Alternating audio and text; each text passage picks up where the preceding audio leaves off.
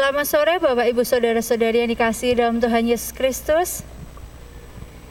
Saya menyambut Bapak Ibu Saudara-saudari yang berada di dalam gedung gereja dan yang bergabung melalui live streaming pada sore hari ini. Apa kabarnya hari ini? Puji Tuhan, pasti luar biasa karena Tuhan Yesus selalu menyertai kita. Saya mempersilahkan Bapak Ibu Saudara-saudari untuk berdoa. Kita naikkan ucapan syukur kita kepada Tuhan untuk berkatnya dalam kehidupan kita.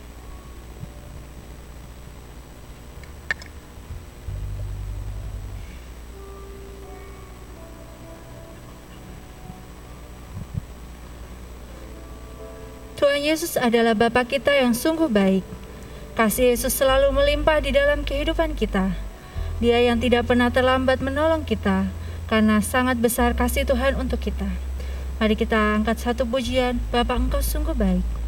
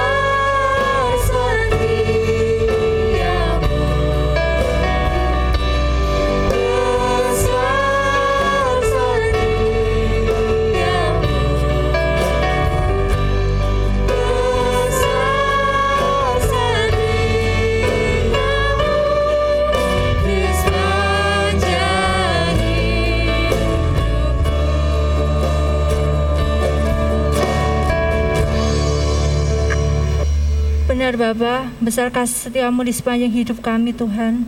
Kami bersyukur Tuhan untuk setiap kebaikanmu dalam kehidupan kami Tuhan.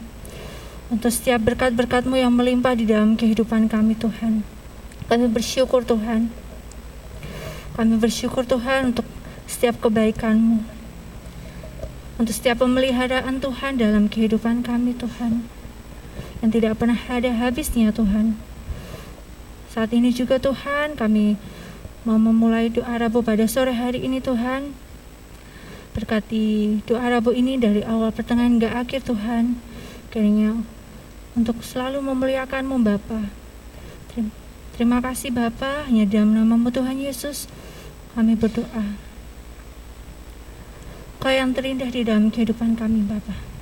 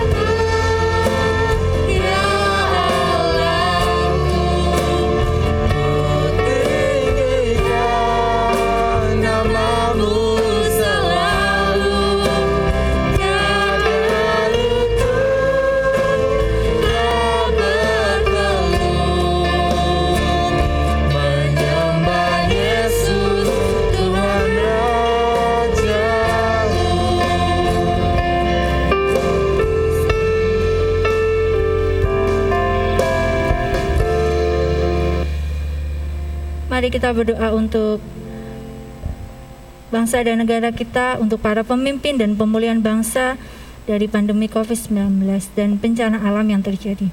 Mari kita berdoa.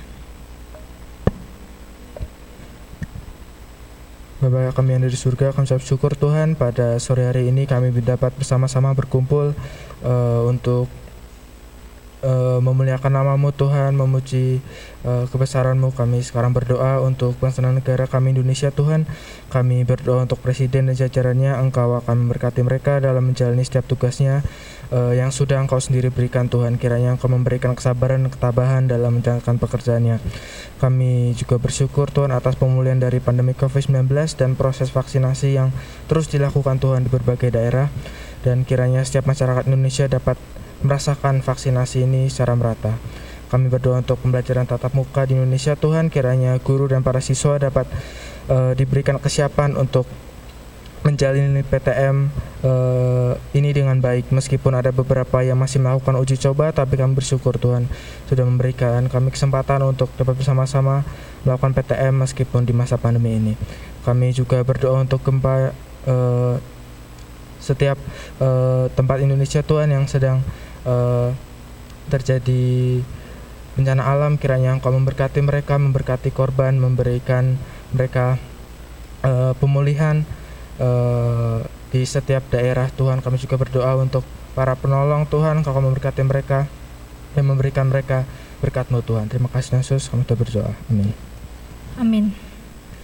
Ah, Mari kita mengumpulkan setiap biji kebenaran dalam kesedihan. Kita juga harus mengumpulkan dan kita akan memperoleh hasil dan hati kita akan menjadi senang. Saya mengundang Bapak Ibu Saudara-saudari untuk bangkit berdiri, kita akan menyanyikan, mari kumpulkan nyanyian pujian 291.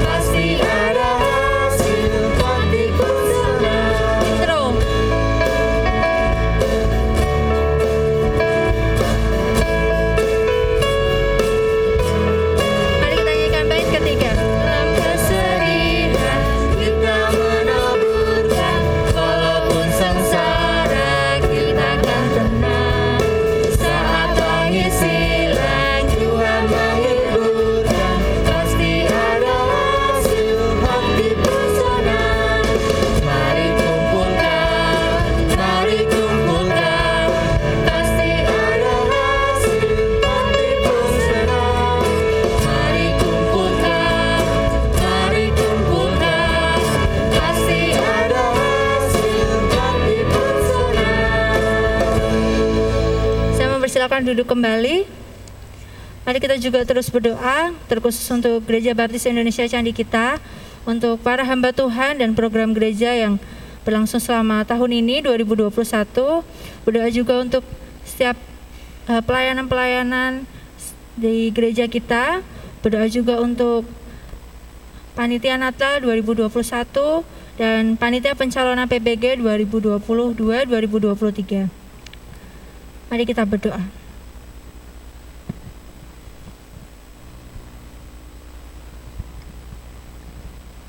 Tuhan Yesus, saat ini kami berdoa untuk setiap pelayanan yang ada di GBI Candi, serta program-program yang berjalan saat ini, maupun yang sedang direncanakan ke depan. Tuhan berkati, Tuhan pakai hamba-hamba Tuhan yang ada di Induk maupun cabang-cabang GB Candi. Tuhan akan menyediakan dan memberkati anggaran yang diperlukan supaya program yang direncanakan boleh dilaksana dan semua untuk kemuliaan nama Tuhan. Terima kasih Tuhan Yesus. Bapak berkatilah juga setiap kegiatan gereja yang akan datang dari kebaktian 1, 2, 3, dan 4 sekolah minggu, kebaktian doa Rabu, doa pagi, WBI, PBI, PKMB, biarlah setiap kegiatan ini dapat berjalan dengan lancar dan engkau pakai setiap pelayan-pelayan Tuhan untuk melayani engkau. Cukupkanlah juga ya Bapak untuk kebutuhan gembala sidang di cabang Cerewet dan Sari Rejo. Setiap kebutuhan yang mereka perlukan dapat engkau cukupkan. Berkatilah juga untuk setiap panitia Natal dapat bersatu bersama-sama supaya mereka dapat merencanakan setiap kegiatan Natal yang akan datang. Juga untuk pencalonan PPG 2022 dan sampai 2023 dapat engkau lancarkan dan setiap calon dapat engkau pakai untuk melayanimu.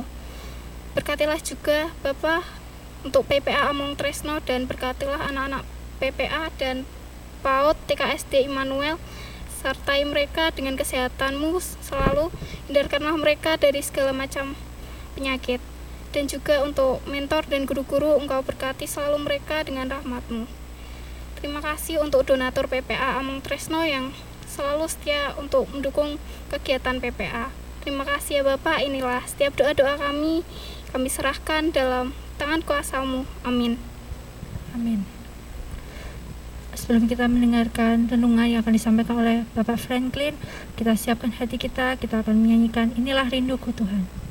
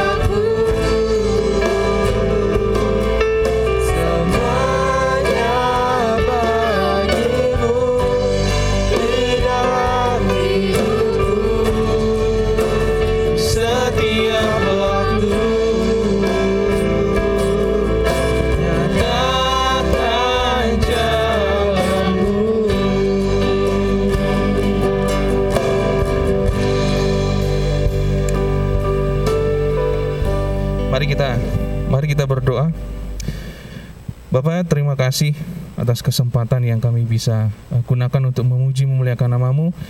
Kami siap Tuhan untuk mendengar akan firman-Mu pada malam hari ini. Tolong uh, bimbing kami. Tolong kuasa roh kudus-Mu yang bekerja dalam hati dan pikiran kami. Agar kami bisa menyerap firman-Mu dengan baik dan kami bisa belajar banyak tentang firman-Mu Tuhan. Terima kasih banyak Tuhan, ini doa kami. Haleluya, amin. Selamat malam Bapak Ibu, Saudara yang saya kasih dalam Tuhan. Selamat malam buat yang ada di rumah. Uh, bulan ini udah masuk bulan baru, ya tema gereja baru. Uh, saya juga diberikan kesempatan yang kalau menurut saya privilege, uh, saya terlalu luar biasa kesempatan uh, untuk membuka uh, dua kali awal bulan dan itu uh, salah satu salah satu apa ya uh, pengalaman yang luar biasa buat saya. Nah, tema gereja pada bulan hari ini ialah bekerja bagi kerajaan Allah yang terdapat dalam 1 Tesalonika 2 ayat 9. Nah, malam hari ini uh, Bapak Ibu Saudara yang ada di rumah yang ada di gereja uh, saya akan memberikan renungan dan judulnya adalah bekerja adalah persembahan. Nah, itu terdapat dalam Kolose 3 ayat 23 dan 24. Mari kita buka di Kolose 3 ayat 23 dan 24. Kolose 3 ayat 23. Apa pun yang apa pun juga yang kamu perbuat, perbuatlah dengan segenap hatimu seperti untuk Tuhan dan bukan untuk manusia kamu tahu bahwa dari Tuhanlah kamu akan menerima bagian yang ditentukan bagimu sebagai upah. Kristus adalah Tuhan dan kamu hambanya. Nah, Bapak Ibu, uh, kenal yang slogan yang namanya bekerja dengan Tuhan memang manise. Pernah dengar tidak? Bekerja dengan Tuhan manise. Nah, kalau mau diartikan dalam bahasa Indonesia, uh, kerja sama Tuhan itu manis rasanya. Maksudnya manis itu uh, sinonim sama enak. Jadi semua yang manis itu kan enak. Uh, perkataan manis ya enak. Makanan manis ya enak. Perbuatan manis pun enak dilihat. Nah, saat ini kita mau belajar, Bapak Ibu, jika diminta kita untuk bekerja bersungguh-sungguh, uh, mungkin itu perintah yang biasa kita dengar. Tapi jika kita diminta untuk melakukan segala sesuatu seperti untuk Tuhan dan bukan untuk manusia, ini sesuatu yang sangatlah tidak umum. Jadi ini adalah hal yang spesial yang seperti tadi saya bilang privilege hal yang spesial ketika Tuhan meminta kita untuk bekerja uh, sungguh-sungguh buat Tuhan bukan buat manusia sebab bagaimana mungkin melakukan sesuatu seperti membersihkan rumah, jualan di pasar, atau mengajar di sekolah, atau uh, pekerjaan pasien di rumah sakit, menyuntik, merawat, pekerjaan sorry perawat di rumah sakit untuk menyuntik uh, merawat pasien bisa disebut juga sesuatu yang pelayanan atau pekerjaan buat Tuhan. Nah, ini ini adalah hal-hal yang simpel yang kita lakukan. Nah, bukankah upah dari setiap pekerjaan kita datangnya dari manusia, tidak langsung dari Tuhan? Nah, itu kan upah yang manusia berikan.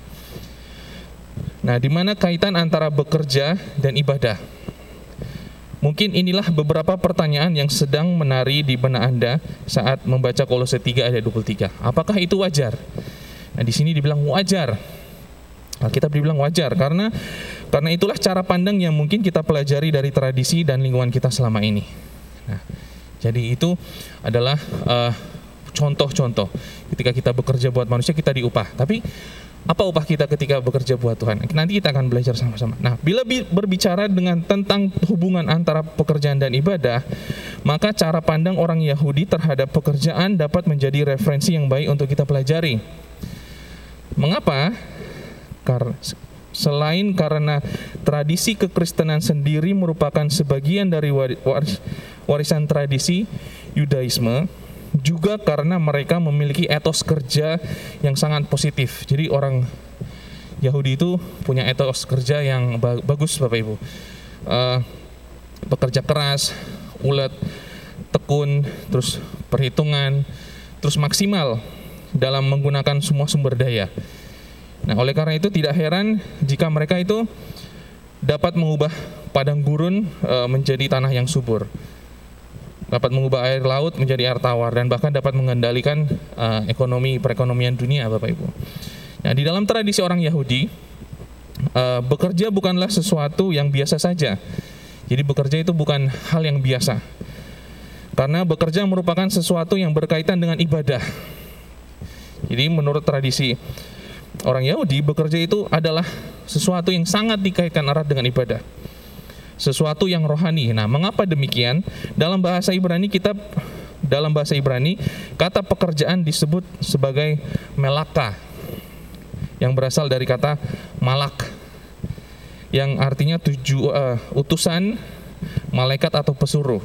Nah, itu sebabnya beberapa pekerjaan dalam kehidupan mereka berkaitan dengan kata malak ini. Contoh uh, pelaut di dalam Yeskiel 27 ayat 29 terus di dalam Yunus 1 ayat 5 disebut malak sementara raja disebut melek ya, ya ini kalau ada pengucapan yang agak salah saya uh, ya karena masih belajar Bapak Ibu karena bahasa Ibrani itu uh, kalau buat saya secara pribadi tantangan yang luar biasa waktu uh, ketika belajar bahasa Ibrani dan saya juga ada rasa takut ketika salah menyampaikannya.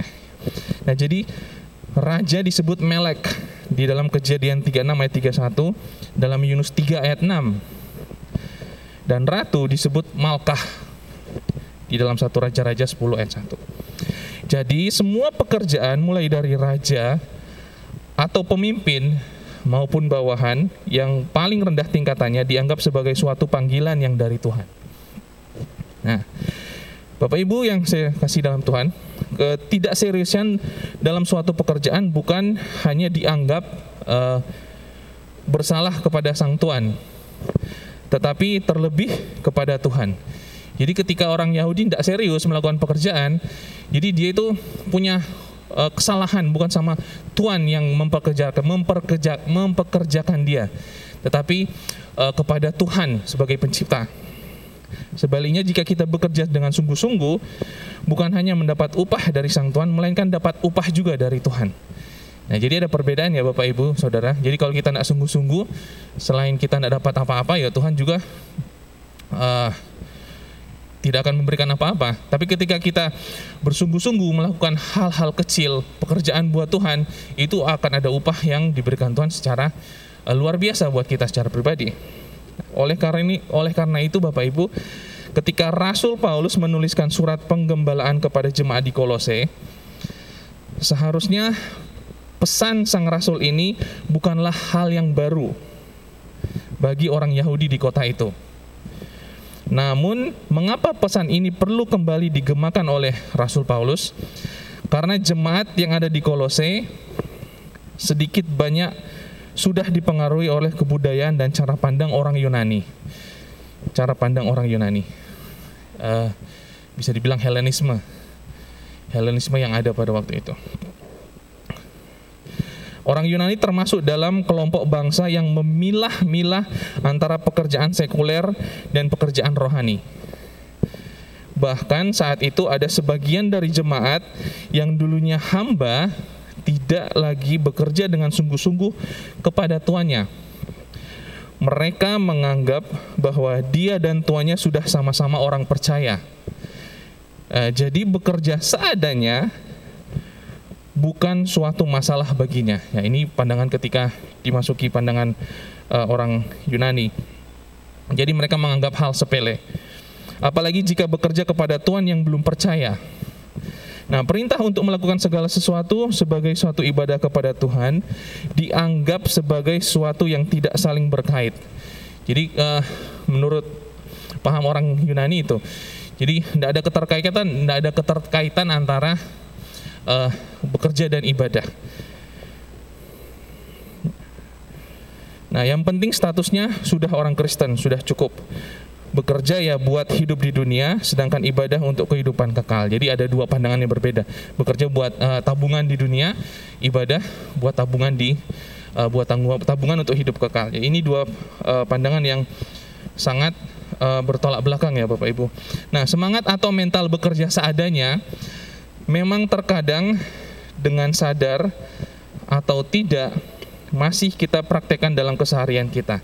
Nah, uh, yang saya mau uh, garis besar di sini adalah uh, garis bawah di sini adalah mental bekerja seadanya, seadanya. Jadi uh, ada ada ukuran, ada ukuran. Ketika kita bekerja itu kita tidak bisa 100%, tidak bisa uh, full. Ketika kita bekerja kita uh, kita menahan kayak ada sesuatu yang menahan diri kita. Uh, entah itu mungkin uh, masalah di rumah atau gimana. Tapi bekerja seadanya itu jadi penghalang bagi kita untuk uh, apa namanya uh, bagi kita untuk meluaskan pelayanan kita di mana pun kita berada atau di di mana pun tanggung jawab kita uh, ada di situ Bapak Ibu. Jadi uh, tidak jarang pula kita memilah-milah pekerjaan antara yang serius dengan yang sepele atau antara yang rohani dan sekuler. Nah, ini ini ini yang terjadi Bapak Ibu. Uh, kerjaan yang rohani apa sih? kerjaan yang sekuler apa sih? Nah, ada yang orang kan kerja, ya aku mau karir yang uh, yang bagus, yang cemerlang. Tapi apakah dia berani ketika dia bekerja, uh, dia memberitakan Injil? Tapi apakah berani ketika dia bekerja dia mengenalkan Tuhan kepada uh, satu ruangan tempat dia bekerja? Nah, jadi kan kita mikir, nah, iya aku kerja ini kan cuman kerja toh. Padahal sebenarnya kan kalau jadi orang percaya, uh, ketika kita jadi orang percaya kita udah kecantol, mungkin bukan kecantol ya, kita udah uh, udah punya tanggung jawab untuk memberitakan Injil. Ketika kita jadi orang baru, uh, orang Kristen baru, orang percaya. Jadi kadang kita sebagai manusia pilih ah uh, kamu aja jadi pendeta, aku mau jadi pegawai bank. Nah seperti, seperti itu karena mungkin pandangannya yang berbeda. Nah, semua tergantung kepada motivasi di balik kegiatan tersebut. Jika ada keuntungan yang besar di baliknya, kita akan bersungguh-sungguh. Nah, namun jika tidak ada imbalan yang setimpal, semangat kerja pun menjadi biasa saja. Nah, Bapak Ibu, apakah pernah uh, di rumah atau pernah ketika kita kerja, uh, kita cuman mikir uh, imbalannya doang? Apakah Bapak Ibu di rumah di gereja atau di rumah mungkin dengan pekerjaan masing-masing apakah kita cuma pikir imbalannya? Misalnya orang bayaran orang. Bukan bukan hasil yang diberikan. Bukan kualitas yang diberikan. Apakah Bapak Ibu pernah memikirkan seperti itu? Kebanyakan orang seperti itu Bapak Ibu Saudara. Uh, mau jadi chef? Yo yang penting restoran makananku laku uang banyak tapi hasilnya di hasilnya dikesampingkan. Nah, itu itu itu yang jadi ke ke dalam kehidupan kita sehari-hari. Nah, uh, di kelompok KTB saya, Bapak Ibu, uh, kami sering bertukar pikiran. Kadang kami sering share masa depanmu gimana. Dan uh, pernah saya tanya, kamu kalau mau kerja mau yang seperti apa? Nah, dia pengen ya aku pengen kerja biar aku mapan biar aku uh, bisa nabung yang banyak. Tapi dia tidak bisa jawab pekerjaannya apa maksudnya dia masih bingung. Nah itu adalah contoh dari di mana orang yang uh, masih belum tahu dia mau milih kerja yang seperti apa. Dia mau memutuskan ketika dia bekerja apa yang akan dia berikan. Jadi ketika uh, kita tidak serius ketika kita tidak menaruh hati peker, ke pekerjaan tersebut, apalagi yang berhubungan dengan melayani Tuhan, itu tidak akan tidak akan bisa lanjut, Bapak Ibu. Nah, merenungkan Kolose 3 ayat 23 ini betul-betul menjadi suatu momentum yang baik untuk kembali merenungkan keberadaan kita saat ini di hadapan Tuhan. Terutama dengan perihal bagaimana cara kita menjalankan semua aktivitas kita selama ini. Ketika Rasul Paulus mengatakan bahwa segala sesuatu harus kita kerjakan dengan sungguh-sungguh, itu berarti bahwa seharusnya tidak satupun aktivitas atau pekerjaan yang boleh kita anggap remeh. Jadi tidak, tidak boleh menganggap remeh pekerjaan apa pun itu.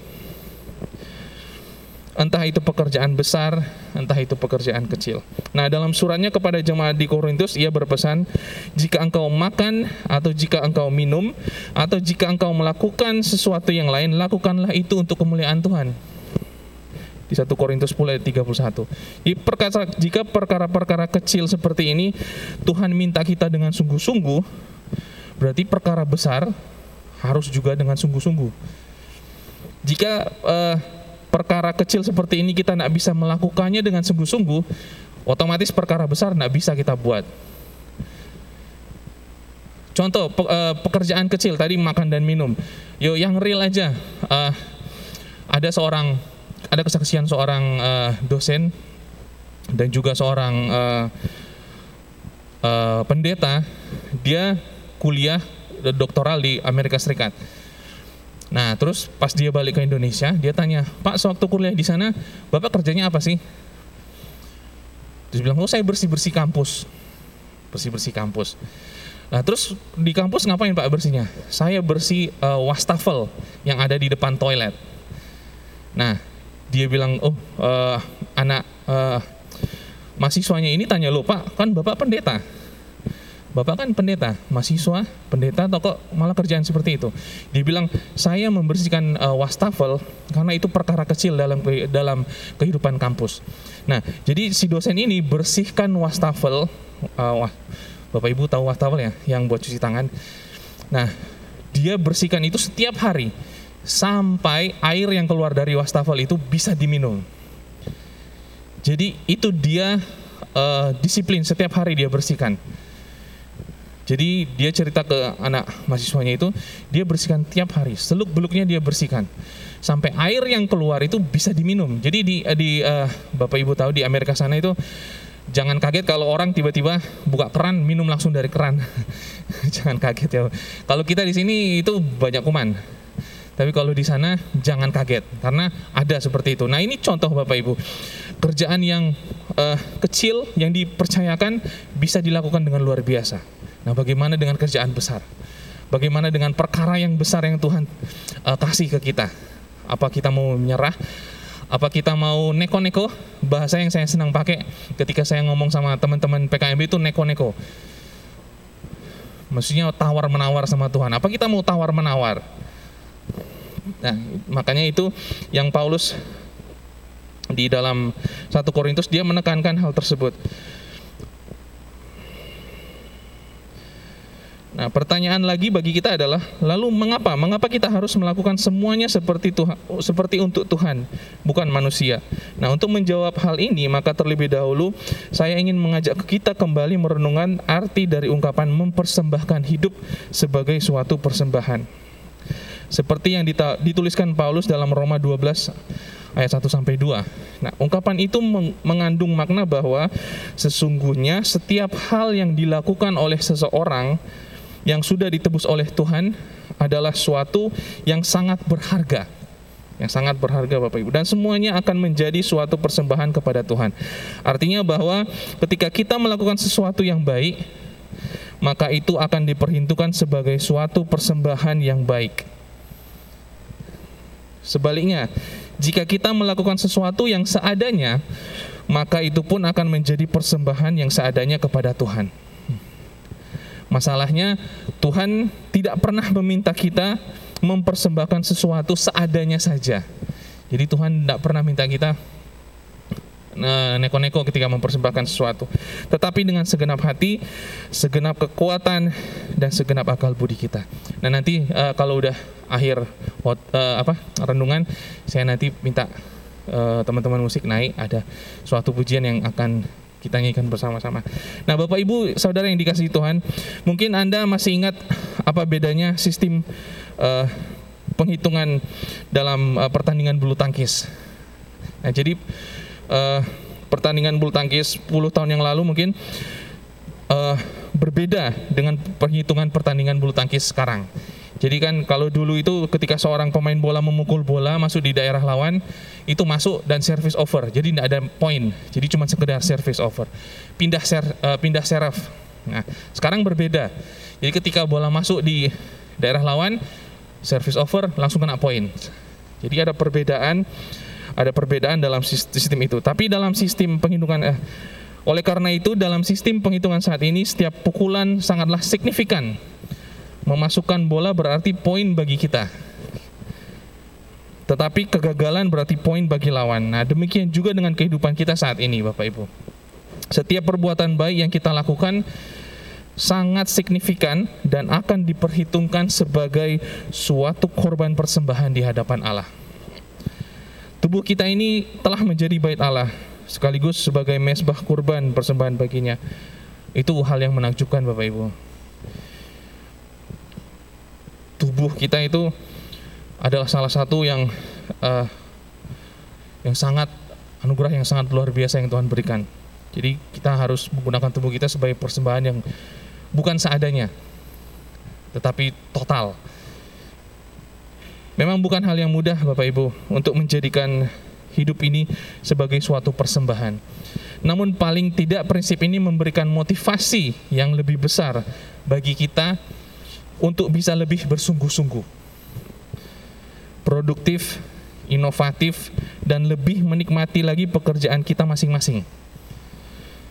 Karena selalu ada kesadaran di dalam hati bahwa apa pun yang kita lakukan akan diperhitungkan oleh Tuhan sebagai suatu persembahan. Jadi jika kita bekerja untuk manusia, maka kita hanya akan menerima upah dari manusia. Tetapi kita ketika kita bekerja untuk Tuhan, maka upah kita bukan hanya berasal dari manusia, namun juga lebih berharga dan berasal dari Tuhan.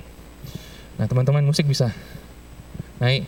Bapak Ibu tahu lagu Jangan Lelah? Jangan lelah. Tahu ya, Bapak Ibu. Ini saya senang lagu ini. Uh, tadi baru kepikiran ya kita coba nyanyi Jangan Lelah biar kita boost biar jadi dorongan buat tidak uh, cuma hari ini, tetapi untuk hari-hari ke depan. Ketika kita bekerja bagi kerajaan Allah, kita tetap setia. Tanah bergelombang kita ratakan. Jangan ada halangan di depan. Beri yang terbaik full Bapak Ibu. Jangan seadanya. 100%, tidak boleh 50%. Apa pun keadaan kita, Ingat bahwa nama Tuhan yang akan terus dipuji dan dimuliakan. Mari kita berdiri Bapak Ibu.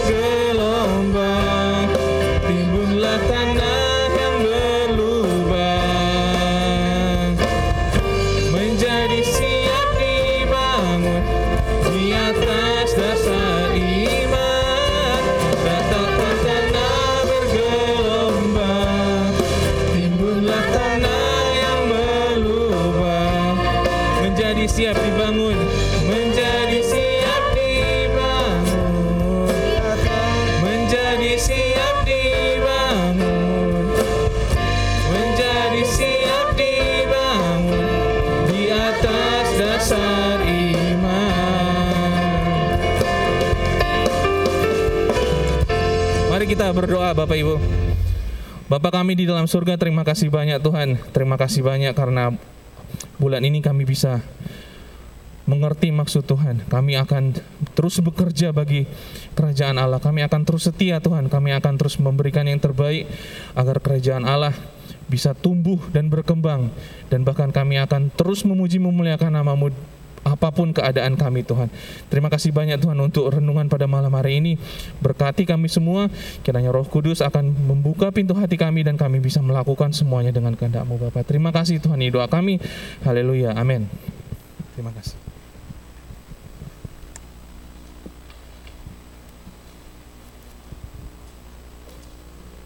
Baik, terima kasih Pak Franklin sudah menyampaikan firman Tuhan untuk kita. Mari kita akan lanjutkan untuk berdoa, saudara-saudara. Silahkan Anda perhatikan untuk poin yang ke-9. Kita bisa berdoa untuk setiap anggota gereja kita. Dan mungkin kalau Anda seperti biasa, Anda mengingat untuk orang-orang anggota gereja yang perlu Anda doakan, mereka bekerja, sekolah anaknya, kebutuhan-kebutuhan yang uh, mereka punyai, silahkan uh, berdoa dan setiap pergumulan mereka juga yang mungkin Anda tahu, Anda juga bisa berdoa untuk setiap uh, jemaat kita. Jadi mari kita akan memberi waktu untuk saudara-saudara bisa uh, berdoa dan saling mendoakan. Kasih Tuhan.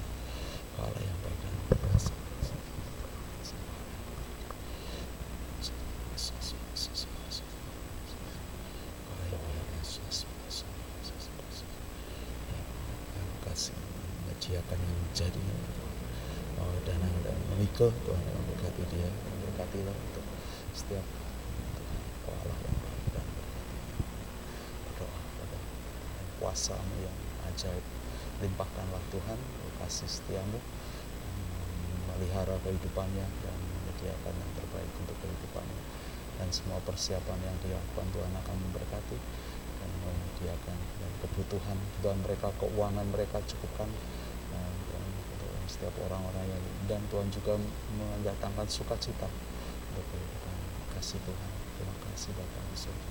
Kami berdoa biar Engkau memberkati dengan kesehatan dan perlindungan dan yang kuasa Tuhan mujizatmu terjadi. Dan ya, juga kasih kami juga untuk saudara kami yang uh, mengandung. Tuhan Engkau akan dengan uh, kesehatan. Berikan uh, mereka uh, pada Tuhan memberkati, menyediakan jadi kebutuhan bagi mereka sediakan Tuhan dan sampai proses persalinan dapat berjalan dengan baik. Terima kasih Tuhan, terima kasih Bapak.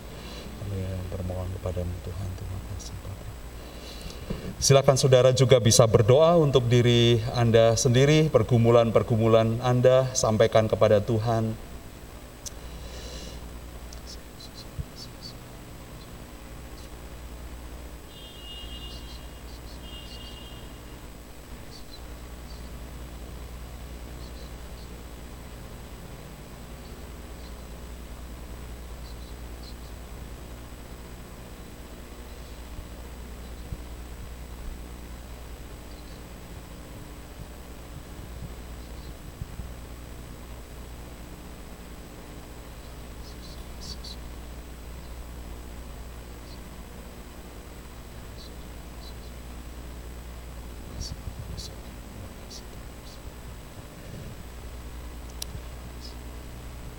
Bapa di dalam surga kami sungguh bersyukur punya Allah seperti Engkau, Tuhan yang sudah merencanakan dengan sempurna kehidupan kami, Engkau yang sudah menata dengan detil semua yang kami jalani dan biarlah semua langkah-langkah Tuhan yang mendahului kami, yang ada di depan kami, yang berperang untuk kami, yang mengerjakan segala sesuatu untuk kami dan semua pencapaian yang Tuhan sudah kerjakan melalui kematianmu di kayu salib, darahmu yang dicurahkan untuk kami dan semua langkah-langkahmu Tuhan menjadi jejak langkah bagi kami supaya kami bisa seturut dan sejalan dengan kehendak Tuhan. Dan biarlah kami saat kami menjalankan kehidupan kami di bumi ini, kami dapat mengikuti setiap uh, kehendak dan rencana Tuhan dan kami percaya bahwa saat kami mengikuti jalan Tuhan kami tidak akan pernah kehilangan keuntungan. Kami akan ditopang oleh kasih dan kuasa Tuhan yang bekerja di dalam kehidupan kami karena kami belajar beriman. Kami berjalan maju ke depan di mana Tuhan yang menolong kami engkau tidak pernah meninggalkan kami barang sedetik pun. Engkau menyertai kami Allah Immanuel Immanuel untuk kami. Dan biarlah gereja kami, persekutuan kami juga menjadi persekutuan yang mau berjalan dengan bersama dengan Tuhan. Engkau menyertai untuk setiap pergumulan dan setiap uh, cita-cita, harapan dan persoalan-persoalan yang dihadapi anak-anakmu. Biarlah kami semua jemaatmu bisa berpengalaman dengan Tuhan di dalam kehidupan kami sehari-hari, pekerjaan-pekerjaan kami. Tuhan yang akan memberkati semua sumber-sumber uh, pencarian dan pendapatan kami. Engkau yang melimpahkan dengan rezeki yang daripada Tuhan, mencukupkan segala sesuatu untuk kebutuhan kami dan biarlah kami uh, terus punya pengharapan dan kami dikuatkan oleh Tuhan karena rohmu yang kudus bekerja bekerja dalam hidup kami. Kami berdoa juga untuk anak-anak kami di dalam studi, di dalam uh, pendidikan di dalam secara online. Kami mohon kepadamu Tuhan berkatilah supaya juga anak-anak kami, generasi muda kami dapat menjalani kehidupan yang lebih baik di masa-masa yang akan datang. Sekalipun mereka harus ada di masa pandemi dengan berbagai macam penyesuaian pendidikan dan pembekalan bagi mereka, tetapi kami bisa berharap kepada Tuhan, berkatilah supaya anak-anak kami dapat memperoleh masa depan mereka menjadi generasi yang kuat, yang bisa maju dan bisa dibekali dengan keterampilan untuk di masa-masa yang akan datang dengan berbagai macam uh, hal yang mereka punya sehingga mereka dapat menghadapi tantangan zaman bersama dengan Tuhan. Kami mohon kepadamu Tuhan berkatilah kami juga untuk setiap para lansia kami, Tuhan Engkau yang memberkati, diberikan mereka kepada mereka hati yang uh, bersuka cita. Mereka terus punya pengharapan di dalam Tuhan, terus dapat memuji-muji Tuhan, menyaksikan anak cucu, menantu mereka diberkati oleh Tuhan, mereka semua menjadi uh, generasi yang takut akan Tuhan. Kami berdoa biarlah pemuda-pemuda kami juga akan diberkati oleh Tuhan dengan teman hidup, dengan jodoh yang sepadan, yang seiman, diberkati dalam kehidupan mereka. Mereka punya pekerjaan yang baik dan juga dapat menopang kehidupan mereka dan juga dapat menjadi berkat bagi orang lain, keluarga mereka yang mereka bentuk menjadi keluarga yang takut akan Tuhan, yang bisa melayani Tuhan di dalam uh, kehidupan mereka dan biarlah menjadi keluarga-keluarga yang menjadi kesaksian juga bagi banyak orang. Di tengah-tengah tantangan zaman dan kesulitan dan tekanan hidup tapi biarlah kami semua anak-anakmu berpengalaman dengan Tuhan. Terima kasih Bapak. Inilah doa dan permohonan kami Tuhan. Setiap doa dari anak-anakmu Engkau yang akan menjawab dan mengabulkannya. Berikan jalan keluar. Setiap hal yang diperlukan Engkau yang memberkati setiap kami. Terima kasih Tuhan. Kami percaya bahwa Engkau menjawab dan sesuai dengan kedaulatan dan kemurahan hatimu. Engkau memberikan kepada kepada setiap orang yang berharap kepada Tuhan dan memberikan hidupnya untuk percaya kepadamu. Terima kasih Tuhan, terima kasih. Inilah doa dan permohonan kami dan biarlah saat kami pulang damai sejahtera Tuhan atas kami menaungi dan menyertai kami. Di dalam nama Tuhan Yesus Kristus kami berdoa. Amin. Mari kita berdiri bersama-sama. Besar anugerahmu.